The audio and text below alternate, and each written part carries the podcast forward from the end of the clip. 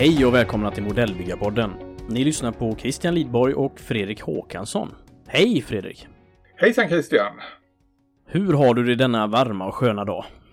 Jo, det är semestertider och eh, höll på att säga nästan lite för varmt för att bygga. ja. I alla fall nu när vi sitter och spelar in det här. Ja, men precis. Det har varit väldigt varma och sköna dagar och det ju, gör ju att man kanske fokuserar lite annat än på våran hobby modellbygge. Ja, det är ju inte, det är inte hundra, jag säga, prio att eh, gömma sig in i hobbyrummet höll jag på att säga. Nej men det är det inte. Inte de första eh, varma timmarna på dygnet i alla fall, utan gärna på eftermiddagen och kvällen i så fall.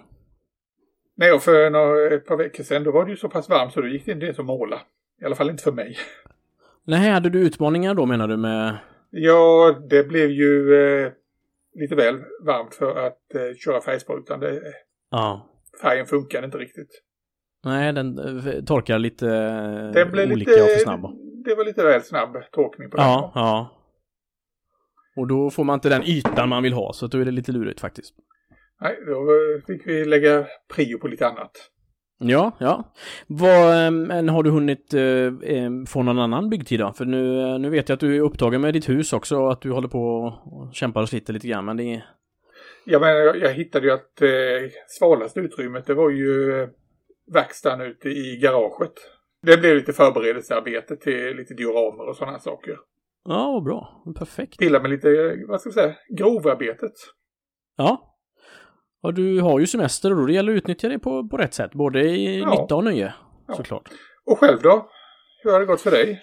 Jo, men eh, jag har fått eh, lite saker gjorda faktiskt. Jag har gjort en sjöbord då eh, till en, en vän som ska ge det till sin far och det, det är nu överlämnat och färdigt. Så att det är skönt att, att vissa projekt går att avsluta och kunna, kunna vara vidare ifrån. Ja, jag, och... såg, jag såg några bilder på den på nätet och det var rätt roligt att se kommentarerna också. Det, det, det är som vanligt med dina modeller, folk tror att det är rikt, äkta varan så att säga. ja, jo, och det är klart, nu har vi pratat om fotografering här och det är ju Hälften trollas ju bort av, av utomhusfotograferingen tänker jag, det gör ju mycket. Eh, absolut. Men det är, det är jättesmickrande att få sådana kommentarer, det är det verkligen, såklart. Ja, vi får väl ta och eh, lägga upp någon bild på det. Ja, det är en bra idé. Det är absolut en bra idé. Verkligen. Och utöver det sen så har, har jag byggt lite lastbil också. Byggt lite SIS 5 har jag byggt i 1.35. Så att lite grann har det allt blivit byggt. SIS 5, det är en eh, liten ryss det ja. Det är en liten ryss, precis precis. Eh, 30-40-tal. Och eh, ja, då kan jag säga, var lägger vi upp våra grejer? Jo, om vi lägger upp lite extra material så gör vi det på vårt Instagramkonto och på vår Facebook-sida. Mm. Yes, helt rätt. Och vi har lagt upp lite olika saker där, lite byggen som du har gjort och lite byggen som jag har gjort. Då. Ja, så gå in och eh, följ oss, gilla oss. Det är bra för våra, det är bra för våra egon om inte annat. Verkligen. Ja. Vi behöver en boost. Ja. Vad spännande. Du, sen måste, jag vet inte om vi ska, jag, jag sprang på en sak i, idag på, nu är inte jag en flygbyggare, men jag såg att det hade kommit nya cockpit-artiklar eh, i form av 3D-printat och redan färdigmålat. Och det kanske, jag vet inte, det kanske puristerna inte vill använda, men jag tyckte att det var värt att nämna idag faktiskt, för det var oerhört spännande. Det tycker jag låter som, eh, vad ska jag säga, jätteintressanta prylar. Ja, företaget hette Redfox och det var ett samarbete med en annan spansk eh, firma, eller på att säga. Mm. Eh, så att det, det tyckte jag var värt att kolla in faktiskt. Det tyckte jag var jättespännande. Ja, det här med färdigmålat är ju det är en intressant sak för det förekommer ju bland annat inom etsen att man har redan tryckta etsdetaljer som är färdiga. Och det är ju framförallt cockpit-grejer har jag ju sett. Ja, men precis. Säkerhetsbälten och andra typer av saker som kan vara färdigmålat och klart. Så. Ja, instrumentpaneler. Och instru ja, okej, okej, ja. Ja, men det är lite spännande. Det kan vi ska ta och fördjupa oss i någon annan gång. Får... Ja, precis, precis. Det var bara något jag sprang förbi idag. Det verkar som att det var en hyfsad nyhet, så jag tänkte att vi nämner det. Sen kan jag väl då säga också när det gäller, eh, kanske inte nyheter, men en bra grej som det kom ut, eh, sipprar ut lite nya grejer hela tiden. AK Interactive, färgtillverkare, de ger ju ut en eh, jäkla massa böcker, tidskrifter och liknande saker. Och då mm. har de bland annat en serie som heter eh, AK Learning Serie. Ja. Det är alltså böcker i, ja vad blir det? Lite drygt A5-format. Mm, mm. Och det fina med det är att de, det är ju inte så speciellt dyra böcker. De kostar dryga hundralappen. Och eh, spänner över ett stort antal ämnen. Till, till dags datum så har det kommit ut 13 stycken olika. Ja, okej. Och det är allting ifrån eh, sådana ämnen som realistic wood effects. Mm, är det här mer nördiga grejer som inte eh, passar alla. Panzercrew uniforms. Hur Underbart. målar du eh, tyska pansaruniformer från andra världskriget? Ja. Och ja, jag ska inte dra alla titlarna men vi har också sådana här så, riktigt bra böcker om eh, Complete Guide to Photo Etched Part. Alltså en, en, en genomgång av eh, hur man hanterar ets helt enkelt. Ja, och så tror jag att du nämnde att den viktigaste av dem också fanns med där va? Ja, just det. Det är den. The Ultimate Guide to Make Buildings in di- Dioramas. Åh, underbar. Och som sagt, det här är eh, små trevliga böcker.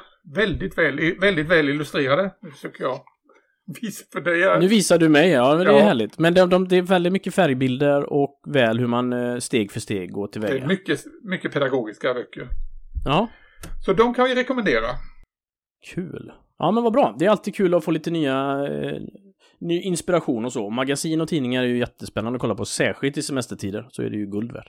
Ja, kan man inte bygga så kan man alltid ligga, ligga och titta i något sånt här och drömma sig bort. Precis, förkovra sig och utbilda sig och bli klokare. Ja, det är helt rätt. Vad, en helt annan sak. Nu har ju, eh, nu har vi pratat lite grann om, om både stridsvagnar och flyg och båtar och du, eh, du har ju ett annat intresse eh, som du eh, delar med många andra naturligtvis, men eh, du får gärna berätta närmare om detta intresse. Ja, eh, då kommer vi in på dagens ämne. Och det Mm. är ju mina älskade science fiction-modeller. Mina maskinenkriger. Just det, detta fenomen av, av annorlunda modellbygge. Ja, där pratar vi lite subkultur här. Helt plötsligt. För maskinenkriger, det är ju inte bara vanliga sådana här japanska robotmodeller. Utan det är lite annorlunda touch på det hela. Det är lite retrokänsla och det är en väldigt speciell feeling. Ja, men precis. Det var ju ett antal år sedan jag träffade på de här första gången. Och det var uppe på Arctic Miniatures. Ja, i Göteborg. Japp, och där såg jag ett antal sådana här maskinenkriger. Mm. Och jag blev ju helt betagen av det. Därför ska vi ju ta och eh, snacka lite maskinenkriger idag. Och vem ska, är bättre att snacka med maskinenkriger än eh, han som jag blev inspirerad av. Han som är källan till min lilla mani. Patrik Olsson. Patrik Olsson, just det. Han har jag eh, sprungit på några gånger på, på tävlingar. Jag har faktiskt inte hunnit prata med honom dock. Det får jag tid att göra framöver. Nu ett tag framöver då så blir det maskinenkrigen med mig och eh, Patrik Olsson. Ska vi grotta ner oss i detta fenomen? Det gör vi, det låter väldigt spännande. Vi eh, trycker på knappen och rullar intervjun helt enkelt med Patrik Olsson.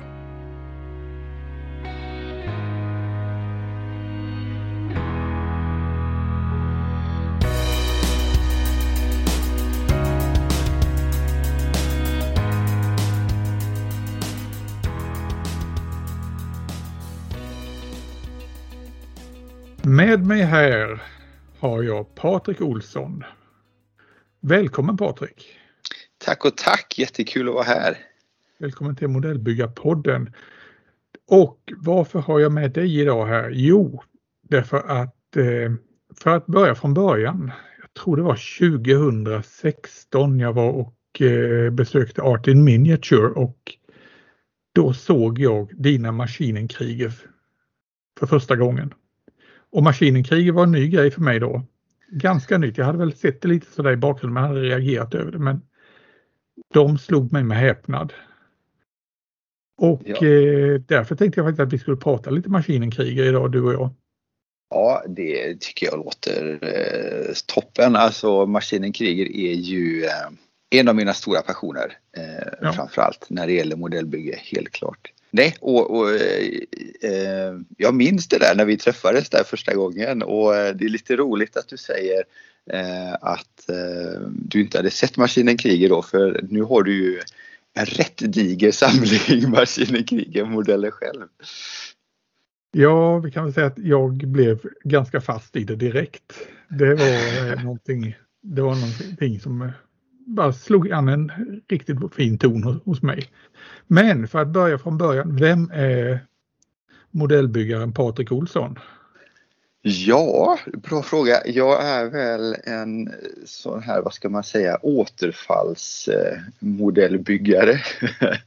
som jag byggde mycket modeller eh, i min ungdom och sen så var det en hobby som, eh, som försvann och ersattes av andra grejer.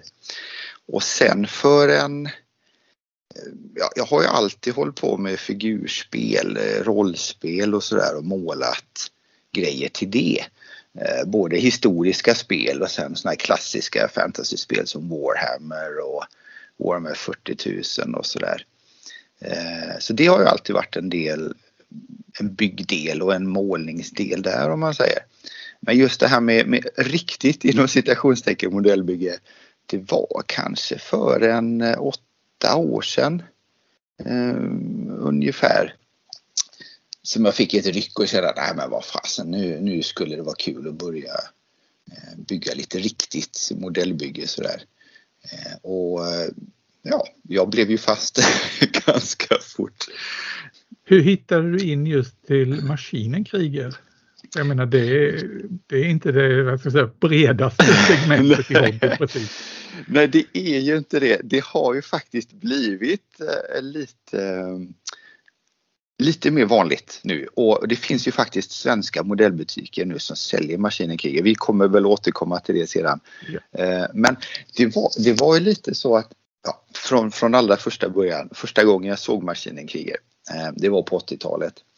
Eh, och då var jag inte speciellt gammal och jag vet jag var med min pappa och vi var på en, en hobbybutik i Göteborg någonstans, jag minns inte vilken. Eh, och då såg jag de här fantastiskt coola Maskinen Krig-modellerna. Och det var ju då de precis hade släppts för första gången då. Eh, och jag tyckte de var hur coola som helst, verkligen. Eh, men jag köpte aldrig någon. De var, de var ganska dyra och, och de såg krångliga ut och eh, det slutade väl med att jag köpte någon Spitfire eller något annat säkert kort istället. Så det blev liksom aldrig av.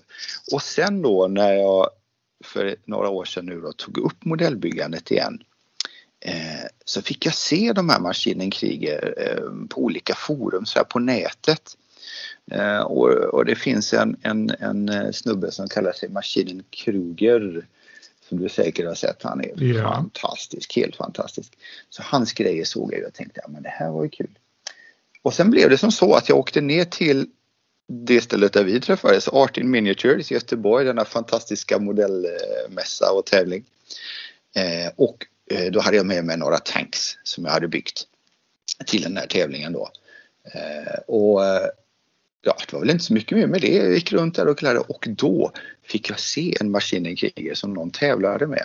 Och det var en skön snubbe som heter Tobias Rönnertz, eh, göteborgsk eh, modellbyggare Eh, och även han Maskinen Krieger-fan då. Och jag tyckte, åh damn, det är någon som bygger de här till tävling liksom. Det är ju skithäftigt. Det skulle man ju göra verkligen. Eh, och eh, så jag kastade mig ut på nätet så fort jag kom hem och eh, eh snokade runt och hittade några gamla byggsatser till hyfsat pris där och köpte hem. Eh, och sen på den vägen var det. Sen har jag inte byggt mycket annat sedan dess faktiskt. Du, du blev fast? Jag blev fast, jag blev helt fast. Jag har, jag har byggt lite annat, det har jag gjort. Men Maskinen Kriger upptar, det är 90 procent av mitt byggande. Det är helt klart. Ja, vad är det som är så speciellt med Maskinen Kriger egentligen då? Ja, det, det är ju, det kan man ju undra liksom. Vi, vi kan ju förklara det först. Att, vad är Maskinen Kriger egentligen? Ja, men precis. Alltså det är en, en science fiction Eh, range som utspelar sig i, i ett fiktivt universum en, i jorden, på jorden, eh, långt in i framtiden. Och eh, det är alltså, och, och, hela konceptet med hela bakgrunden eh, och allting är ju alltså då designat av en eh, japansk designer som heter Ko Yokoyama. Eh, han lever fortfarande i, i Japan och han eh, var ju en stor Star Wars-fan när det begav sig. Han var och såg första Star Wars-filmen Och för er som har eh, lite koll på eh, när Star Wars kom ut så var ju det såklart rent filmiskt helt otroligt. Men för alla modellbyggare så satt ju alla och kollade på, för som det var på den tiden, alla rymdskepp var ju modeller. Och på alla dessa eh, rymdskepp så användes ju bitar från alla möjliga byggsatser. Så för, för, för den som, som var verkligen intresserad så kunde man, ja kolla där är en bit från en Messerschmitt och där är en bit från helikopter och, och så vidare. Och det här tyckte ju Koyokoyama var väldigt häftigt. Och han fick för sig att han ville göra någonting liknande. Så han startade då och, eh, den här serien Maskinen kriger då. Eh, där han hittade på hela backstoryn och designen och allting. Eh, och han eh, byggde modellerna av scratch av olika bits som man tog från olika vanliga så att säga, byggsatser. Eh, och eh, målade även då, han är ju konstnär, alla eh, bilder till det eh, ifrån början då. Sen har det kommit till andra så vidare. Men nu är fortfarande väldigt mycket eh, Ko Yokoyamas projekt detta så. Ja, det är väl en sak att eh, om jag har förstått det rätt, när serien kom ut i den här tidningen, vad hette den? Hobby Japan? Japan Hobby Japan, ja men precis, ja, precis. Så var det väl att det var väl fotografier av just modellerna som förekom i den här serien. Jajamän, precis. Det var ju det liksom. Det, var, det, var, det blir som en följetong den här serien i, i Hobby Japan och, eh, just, och han hade då fotat de här modellerna precis. Eh, och det blev ju en jättegrej och eh, i Japan är ju maskinenkrig väldigt stort. Eh, och eh, de här byggsatserna har ju återutgetts då i flera gånger och nu har det ju även kommit många retoolade byggsatser. Tack och lov kan man väl säga för de där första har ju är ju lite utmanande kanske man kan säga. Ja, vi ska återkomma lite senare just till själva modellen och vad man får tag på mm. dem och så vidare tänkte jag. Men för att fortsätta just med det här speciella med eh, maskinenkriger. Ja, alltså jag tror att det har mycket att göra med, eh, för mig handlar det framförallt om designen. Och det märks, alltså Ko Yokoyama han är ju utbildad designer och det märks ju verkligen eh, hur han har kombinerat sin känsla för form med science fiction eh, känslan sådär liksom lite det här galna så men det är ändå och det skiljer sig från väldigt mycket annan sci-fi som man ser. Ja, i alla fall tycker jag det skiljer sig från mycket av den japanska sci-fi. För det, det brukar ju vara, där tänker man Gundam, stora robotar och liknande. Men det här är väldigt, som jag uppfattar väldigt down to earth. Ja men precis, precis. Exakt, jag menar det japanska det är ju så här, liksom more is more på något sätt. Mm. det är jätte, det är skarpa färger och det är bright and shiny och det är Eh, jätterobotar precis som slåss med jättemonster och så vidare. Och det här, eh, maskinen krigmodellerna är ju ofta eh, Ja, det kan vi säga skalan på de flesta byggsatserna är 1 till 20. Men själva modellerna om man ser som så är ganska små. Alltså det är suits, eh, små rustningar som folk bär, de maskiner som finns och tanks och sådär. De är ofta ganska små liksom så i designen. Och de är inte fulla med vapen och grejer utan det kanske sitter någon laserarm skjuta det på någon eller är det en stridsvagn så har den något litet eh, torn med någon liten kanon på. Så, här. Eh, så det, det, är inte fokus på det liksom så. Och sen är det just den här eh, blandningen av gammalt och nytt. Just den här eh, att han använder så mycket bits från olika grejer så att man ser, jaha, här har vi liksom en en fläkt från en Panther G liksom som sitter där bak på motorn. Ja, då kan vi ju ta och analysera lite liksom. Eh, du sa ganska stor skala. Den 1 på 20 är ju normalskalan på maskinen kriger. Ja, precis. Varför eh, denna konstiga skala? ja, det kan man verkligen undra. Det, som jag förstår det så har det ju att göra med eh, de figurer som fanns att tillgå eh, när Ko Yokoyama startade hela den här eh, Kitsbyggen-grejen då. Eh, att han använde de här figurerna som var i skala 1 till 20 till 24. Ja, då blir det ju ungefär de här Formel 1-figurer. Ja. Det ligger runt 1 på 20. Det, brukar ju vara en vanlig bilskala i Japan. Ja, precis, det är ju det. Eh, så där fanns ju otroligt mycket figurer, eh, människor så, så att säga, att plocka av då till de här suitsen. Och sen, och sen så blev ju det att det, det liksom fastnade så att det blev, en, det blev den skalan som blev liksom. Och, och på den tiden fanns det ju inte det är ju lätt att tänka nu. Väldigt många man hör nu tänker sig, ah, varför är inte allt ET35 sådär? Det är ju mycket enklare och då kan man ställa den bredvid en stridsvagn och jada jada. Eh, men det fanns ju inte så mycket ET35-figurer på den tiden. Det är ju lätt att tänka nu när det finns precis hur mycket som helst och i mm. resin och liksom i en uppsjö. Men, eh, så, så därav den, att de flesta är i skala 1 till 20. Då. Ja, nej, jag tycker det är en väldigt tilltalande skala för den ger väldigt stora möjligheter till eh, just modellbygge och detaljering. Och, ja, ja, men eller, lagom eller just till eh, och sen att figurernas storlek. Och sen det jag tycker det är roligt just som du säger det här med att eh, det är bitar plockade från allt möjligt. Ja. Jag har hittat månlandare och som du säger fläktar från panter, pantervagnar och eh, ja, om jag inte är helt fel underrättad så kroppen till en av de första den som kallas för PKA, det var väl egentligen en helikopterkaross? Jajamän, en, en, en Huey-helikopter. Ja. Precis. Den, och, och det, det, ser man när man vänder på den. Vänder man på den åt ena så ser man det väldigt tydligt. Precis. Ja, det, och det är ju lite det som är charmen med de här modellerna tycker jag. Just att man kan leta efter delar så här och, och även de eh, de nyutgivna modellerna som de gör byggsatserna, där ser man väldigt tydligt många delar sådär liksom. Eh, vilket ju tycker jag bidrar till skärmen så. Eh, så och, det, och det som sagt designen är väl en sån där grej som man känner är verkligen som, uttalat som man verkligen ser skillnaden. Det här är en maskinen kriger. Så, just den här blandningen av ganska mjuka, rundade, lite organiska former med det här kantiga militäriska. Och som du sa där Fredrik, det skiljer sig ju verkligen mycket från det man normalt tänker på med japanska Gundams och så vidare. Ja och sen eh, det är ju en klar retrokänsla över alltihop också när det gäller så hela storyn runt det som det är, det är lite eh, tysk-inspirerat och liknande. Precis, ja men det är ju det och, och det är lite, det är en lite rolig eh, backstory där i också spännande för oss, mm för oss här borta i, i, i västra eh, hemisfären så känns eh, många grejer kanske sådär jättemärkliga. Men, men, men det är en kul story och det är som sagt den ena stridande falangen i, i Maskinenkriger är ju då tyskättlingar på något sätt. Eh, och det utspelar sig mycket i Australien om jag inte minns fel, med första, eh, första i alla fall. Eh, delarna i den här storyn. Då. Eh, så att du har de här lite rebellerna kan man säga som är då liksom australiensarna och sen så har de här det onda imperiet där då, de här tyskättlingarna då. Så. Och du sa innan att det här var fortfarande väldigt mycket Kao Yokoyamas projekt och det är väl också en sak som gör det här lite unikt när det gäller modellbygge att skaparen är så involverad fortfarande i hobbyn.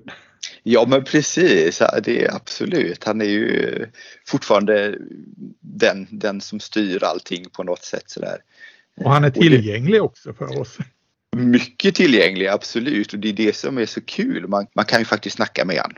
Eh, sådär. Och det, och, det, har ju säkert du gjort eh, och jag har gjort också. Att man kan skicka ett, ett meddelande sådär ibland och Hej, jag har byggt den här. Vad, vad, vad, tycker du? Ja men det där var en kul grej. Eller så va? Och det är ju väldigt, väldigt charmigt, väldigt tilltalande och väldigt eh, hobby. Och det är väl lite därför tror jag Maskinen Kriger har en ganska stor fanbase och en lojal fanbase så. Just för att det blir väldigt personligt och nära och det, de här, det finns ju några såna riktigt, riktigt duktiga Maskinenkrigen-byggare och så här, och, och, alla är liksom superfriendly, alltså det är såna sköna snubbar, man kan, man kan prata med dem på Messenger och de är jättehjälpsamma, jätte så. Det är en, det är en väldigt trevlig stämning så. Ja, jag, jag, har fått det intrycket också. Det, det är det väl inom modellbyggarhobbyn i stort så men, men, men det här är verkligen eh, väldigt familjärt så. Ja, eh, nu har vi som sagt gjort en jäkla massa reklam här för Maskinenkriget.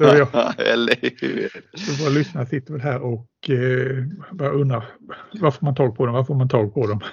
Precis, det är ju det stora, det stora problemet. Nu är det ju faktiskt så att eh, vi har ju våran svenska stora hobbybutik som har börjat sälja dem. Och, eh, nu ska jag säga så att de har ju bytt namn några gånger nu. Alfa Hobby tror jag de heter nu va? Ja. Ja. Men då kan vi eh. säga också att det finns väl två tillverkare av Maskinenkriger, alltså vanliga injektionsgjutna modeller. Ja precis, precis. Eh, just plastmodeller där så är det ju Wave eh, och det är Hasegawa framförallt. Så de tillverkarna kan man ju ha lite span på om man vill se vad som kommer nytt och sådär. Men sen... Och, och Hashigaba de har gjort egna grejer i första hand. Ja, de, de har ju satsat lite mer på, eh, på 1-35 grejer också, precis. Men eh, Wave, om jag förstår, eller jag har förstått, jag har ju läst på lite här. Det, de första som gjorde egentligen eh, modeller, injektionsgjutna modeller, det var ju en företag som heter Nitto. Det var väl de du hittade en gång. Exakt, det är de Men gamla Nitto-modellerna. De lade ner produktionen och då tog väl Wave över formarna? Ja, det gjorde de så småningom. Det var ju en lång, eh, ett långt elände där, där det inte fanns några maskinen modeller att köpa alls. Eh, och eh, så är det. Men nu är det Wave som är de stora eller som gör de flesta. Eh, och Nitto det är den gamla tillverkaren då. Och, och, det kan man ju säga, är man för folk som gillar att samla på gamla grejer eller sådär. Nitto-modellerna går fortfarande att få tag i lite här och där, oftast till rätt ohyggliga priser. Och kvaliteten är sådär kan man ju säga. Alltså det krävs rätt mycket mer av dig som modellbyggare än eh, de nyare modellerna såklart. Sen, det är mer att det är kultstatus på modellerna då? Ja, väl lite så. Jag har ju några 90-boxar liggande sådär du vet i shrink wrap som man bara ja någon gång kanske man bygger eller någon gång kanske inte. Och det kan man ju säga också där en, en sån här grej som är med maskinen kriget som det gäller väl lite japanskt Eh, modellbyggeri eh, på det stora hela eller producerandet av modeller. Just att man gör väldigt limited runs. Alltså det är nu släpper vi den här modellen och vi släpper den i så här många ex och sen är den borta. Och sen så får man kanske vänta tio år i värsta fall. Sen så släpper de en, en, en batch igen liksom. Och det där är ju en sak som många är frustrerade över. Speciellt vi som bor i delar av världen där det inte är så lätt att få tag i dem. Just att, ah fasen nu missade jag den här nutcracken liksom. Nu är det ju kört. Du får liksom ge mig ut och på Ebay för vansinniga pengar sådär. Så mm. det är ju en sak. Ser man en Maskinen Kriger-modell, shit den där vill jag ha, köp den. Eller be forever sorry liksom. Ja, imorgon kan den vara borta ja. Imorgon kan den vara borta. Lite så. Men som sagt, nu finns det ju att köpa i Sverige eh, och det är ju jättekul. Sen kan man också beställa ifrån eh, Japan såklart. Japanerna är inte jättesugna på att sälja saker utomlands. De har en enorm inhemsk marknad. Men det finns några företag, bland annat Hobbylink Japan som ju är den stora eh, draken.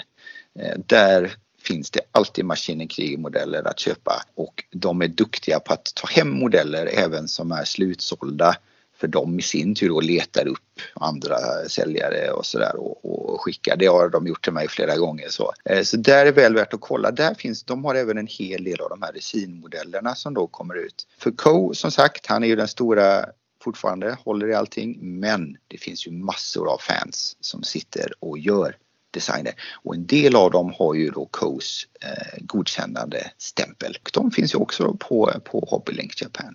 Mm. Jo, det här sett. Det finns ett litet officiellt märke, en liten dekal som dyker upp på askarna. Jajamän, det gör det så. så att, och där finns ju mycket och de, det är framförallt mycket figurer. Eh, alltså sådana personer, människor då som, mm. och sådär och massa, massa jättefina resinmodeller. Och sen finns det en, en säljare till jag kan tipsa om det är ehm, Eh, Tokyo Model Detective, eh, en väldigt liten firma, drivs av en person, eh, Darren som är i Japan då och han brukar alltid ha eh, Maskinen Kriger på lager också. Sen är det ju som det är med import nu för tiden. Det vet ni ju alla stackare som importerar grejer. Det fastnar eh, hos Postnord och eh, det blir moms. Och, det är bara bita i det sura äpplet. Det är ju faktiskt så eh, tyvärr. Så man kan ju säga att, och, och, det där är väl också en grej, för det har jag ju hört en del säga när de kollar på då de svenska modellerna så säger de, åh men vad dyrt så här liksom. Ja, det är mycket billigare att köpa från Japan. Ja, det kan se ut så men i slutändan så blir det nästan nettopp liksom. Eh, plus att du får vänta länge. Sen är frakten från Japan billig nu för tiden ska tilläggas men eh, det är ju då att det, det blir moms på allting. Tyvärr. Vad har du själv för favoritmodeller då? Du har ju ja. botaniserat och avverkat en hel del maskinenkrig här genom åren. Ja, men det har, det har blivit några stycken. Så är det ju. Men, men eh, jag, jag, jag, jag gillar ju verkligen, eh, det finns en, en svävartank som heter Oscar Eh, och den är väl en sån här riktig favorit tror jag. Den, den, den är på något sätt maskinen kriger för mig. Just det här äh, mjuka organiska skrovet kopplat med liksom mer mekaniska delar och vapen och, och liksom eh, slangar och grejer så. Eh, det, det, tror jag är just den. Och sen, sen måste jag väl säga, för, för det är ju den jag haft mest framgång med på tävlingar.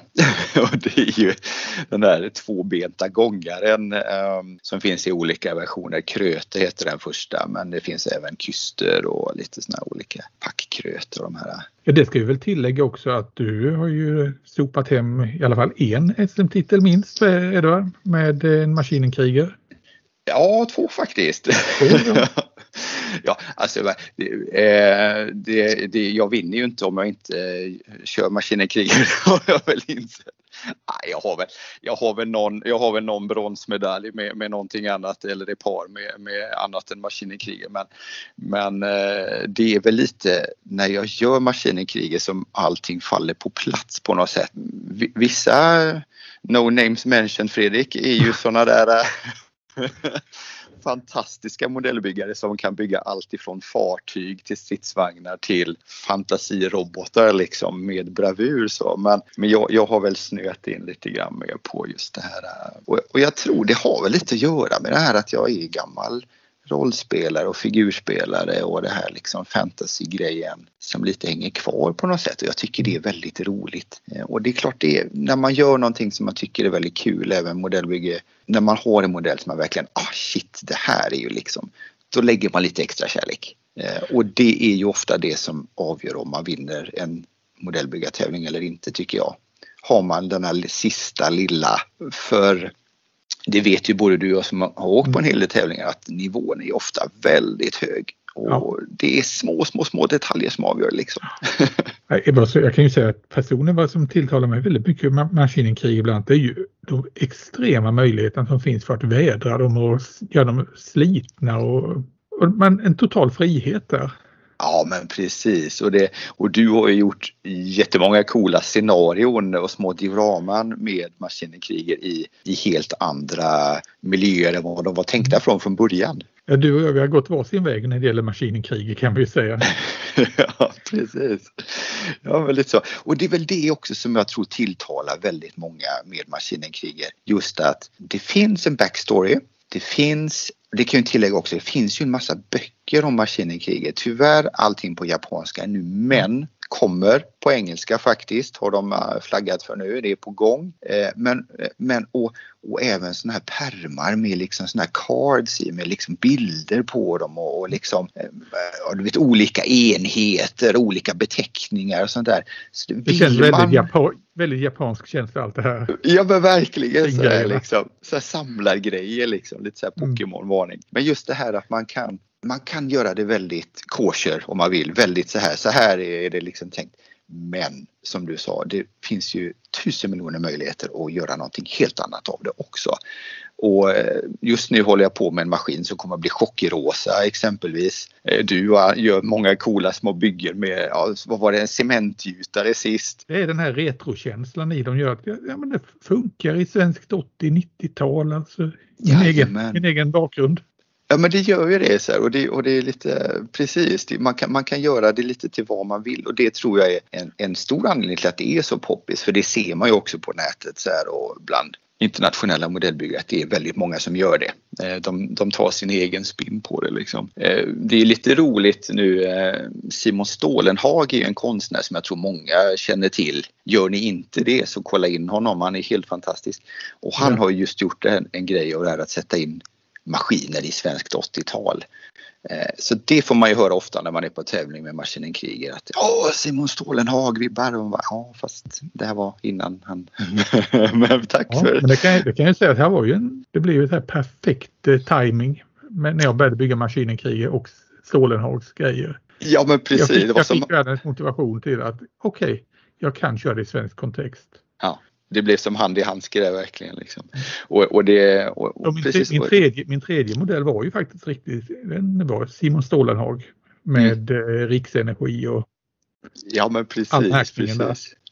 Ja men lite så här, ja det, ja, det, Det är, de lämpar sig väl, väldigt väl till att göra olika saker av. Och det är som du säger, det är just den här retro. Man ser ju att det är en sci-fi modell. Så, det är ju inget tvekan om. Men man ser ju också de här små, något avgasrör här eller någon liten grej där liksom. Och jag får känslan av att ingen skulle reagera om det stod en sån bakom en lada eh, och rostade. Det hade varit lika naturligt som att det stod en gammal Ferguson-traktor. ja men precis, ja, men lite så. Absolut. Och det, ja, de, de, de lämpar sig väl till den typen av mm. estetik. Liksom. Så nu är det chockrosa Maskinenkriget som gäller? Vad, ja. är det för typ? Vad är det för typ? Ja, det, eh, den heter, ja, precis. Det är en Walker igen. Jag har ju lite fäbless för Walkers. Camel heter den här som, som då enligt eh, Coes eh, eh, bakgrundsstory där ska vara en, en eh, moonwalk, alltså en, en någon slags mångångar eh, svävarhistoria sådär. Men... Eh, det är en av de större modellerna ja. Ja det är det, den är, den är rätt biffig faktiskt. Men min vana trogen så kommer jag att sätta den i någon lite mer lerigt och rostigt och härligt eh, geggmiljö så. Så att eh, den kommer att bli någon slags eh, någonting annat. Det ser vi verkligen fram emot. Ja, nu har vi ju som sagt, det var länge sedan du och jag sågs eh, och mm. eh, det ska bli jättekul. I sommar verkar det faktiskt som att eh, det blir lite tävlingar igen och lite event och sådär. Så att det ser vi verkligen fram emot. Sommaren och hösten. Ja, som du säger, vi ser med tillförsikt fram emot det. Verkligen, det ska bli så kul. Du, det var jätteroligt att få prata Maskinenkrigen med dig här en stund. Ja, men detsamma Fredrik. Jättekul. Vi hade kunnat snacka bort kvällen tror jag. Ja, det kunna göra. Det får vi ta och göra nästa gång. Absolut. Jättekul och, att du ville ha mig med. Ja, så jag säger tack så väldigt mycket Patrik Olsson. Tusen tack Fredrik, kul att snacka.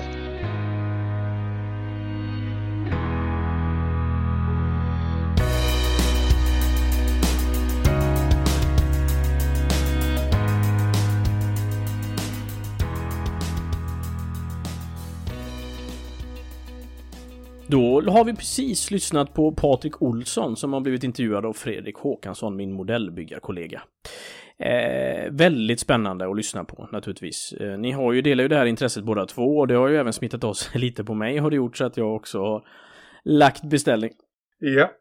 Förstår du, förstår du, mer, förstår du lite mer av vad det handlar om nu då? Blir du lite klokare? Lite klokare kanske jag blir. Och du har ju faktiskt pratat lite om detta innan. Du, det, det, det ligger dig varmt om hjärtat. Så att det gör att kulturen bakom är ju fantastiskt härlig. Det måste man ju ändå säga. Och det, även om det kanske inte är så många som bygger detta i vårt närområde så är det ju oerhört populärt i, i Asien och på andra ställen liksom.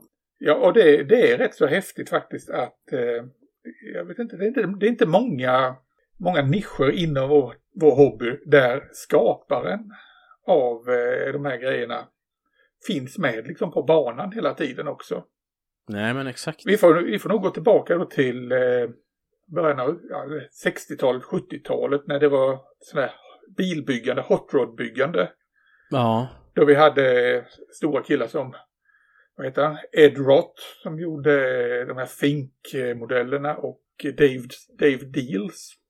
Ja, okay. Två, två amerikanska. Men det, då var det killar som ägnade sig åt hot rods i verkligheten också. Ja, och right, sen right. jobbade de då för till exempel, jag tror det var Rebel och Monogram. Och gjorde modeller till dem. Och då, då var ju liksom lite personkult kring de där killarna också. Mm -hmm. Vad spännande. Men det där kan vi fördjupa oss också i en annan gång. Ja, vi lägger upp allting i en bank här. Vi får komma ihåg vad vi ska prata om. Ja. Men jag får ju, jag ska inte säga att jag får för Linden-känsla, för han var ju ändå mer aktiv kanske i själva bygg och vädring och så. Det var ju... Men den här, eh, nu har jag glömt av hans namn som, som ni har nämnt. Kaujukiyama. Eh, han var inte så aktiv på att bygga själv eller? Utan han har jo. egentligen bara skapat... Jaha, okej. Jaha, okej. Okay. Kaujukiyama bygger själv och han lägger upp faktiskt i Facebookgruppen egna modeller efterhand som han bygger. Ja. Hur gammal är karln nu då, tror du? Han är ju en farbror på, eh, vad blir han nu, 65 år ungefär. Jaha, jaha, ja ja, ja häftigt. Han spelar lite seniorfotboll också. kan, jag, kan jag tillägga. ja, ja. Ja, kul. Jag tycker det var roligt att eh, jag har lyckats eh, få med dig också i, eh, i det här byggandet. Och att du i alla fall har öppnat upp ögonen och ska ge dig på någon modell. Ja, jo men det har jag ju faktiskt. Och jag har nu det beställt och ligger i pipen och det är ju... Det är ju också ett, ett utmärkt tillfälle att, att få gå loss lite med sin vädring för här fin- jag ska inte säga att det är så i någon bransch att det finns rätt och fel, men här, här är ju det en väldigt stor konstnärlig frihet på något sätt som erbjuds och, och det gör ju jättemycket tycker jag för, för hela konceptet. Oh ja, som sagt det är, det är fullständig frihet och det märker jag ju det är, på mina modeller. Det är därför jag håller kvar vid det bland annat. Så att jag kan verkligen gå loss. Jag kan ju få in mitt svenska 80-tal Ja, i precis, modellerna. Det, precis. jag, det jag tycker är jätteroligt. Det Ja, på något sätt det passar. Det blir realistiskt och eh, så, som det skulle kunna vara i vår egen värld. Det är inte som sådana här gigantiska Gundam-robotar som man tänker, ah, men det där skulle man aldrig se på, på en, eh, vad ska jag säga, ett svenskt samhälle. Nej men precis, och jag funderar på vad man skulle kalla den genren, för det är ju inte dystopiskt i den formen av att det är världens undergång och elände, utan det är ändå något romantiskt och något vackert kring det på något sätt tycker jag. Ja, Vad säger Stål, Stålenhag själv om, om... Ja, som Stålenhag uttrycker det, om vi tar eh, det, ur Vasselklotet så är han någonting i stil med 1980-talet som, som aldrig var. Ja, okej. Mm. Ja, ja. Jo, men det, det blir lite Blade Runner... ehm, Ja, men det blev parallell tidslinje på något sätt. Ja, precis. Nej, jag, jag gillar konceptet väldigt mycket som sagt. Och för de som eh, vill prova så tycker jag absolut man kan, eh, man kan ju börja med... Det fin- finns ju enklare Bandai-modeller om man vill... I det här fallet så Bandai har ju inga maskinenkrig utan Nej. som vi sa, jag och Patrik, det är ju Wave. Men de Mm. är svåra att få tag på för det är ganska så eh, korta serier och det är väldigt få av dem som, vad ska jag säga, kommer in till Sverige. Däremot Mm. Hashigawas modeller är lätta att komma åt. De finns Ja, överallt. Och det var ju en Hashigawa-modell som du har fått Mm. tag på här Ja. också. Jajamensan, precis. Men du eh, Christian, ska vi ta och eh, knyta ihop säcken och eh, sluta för dagen? Det tycker jag att vi gör. Det var jättespännande att höra dig och Patrik prata om detta och jag hoppas att vi eh, får höras och se mer av detta på kommande event. Eh. Följ oss på Insta. Gilla oss på Facebook. På vår sida. Det är bara att söka på Modellbyggarpodden. Så lär ni hitta oss där. Vi finns ju på Acast och vi finns på Apples poddar och eh, på Spotify. Vi fin- där poddar finns som de säger. Och har ni åsikter, eh, tankar och förslag på vem vi ska prata med och vad vi ska prata om så går det alldeles utmärkt att mejla oss på modellbyggarpodden gmail.com. Då tackar jag ödmjukast för idag Fredrik så, eh, så hörs vi. Ja, tack ska du ha. Ha det gott! Hej hej hej!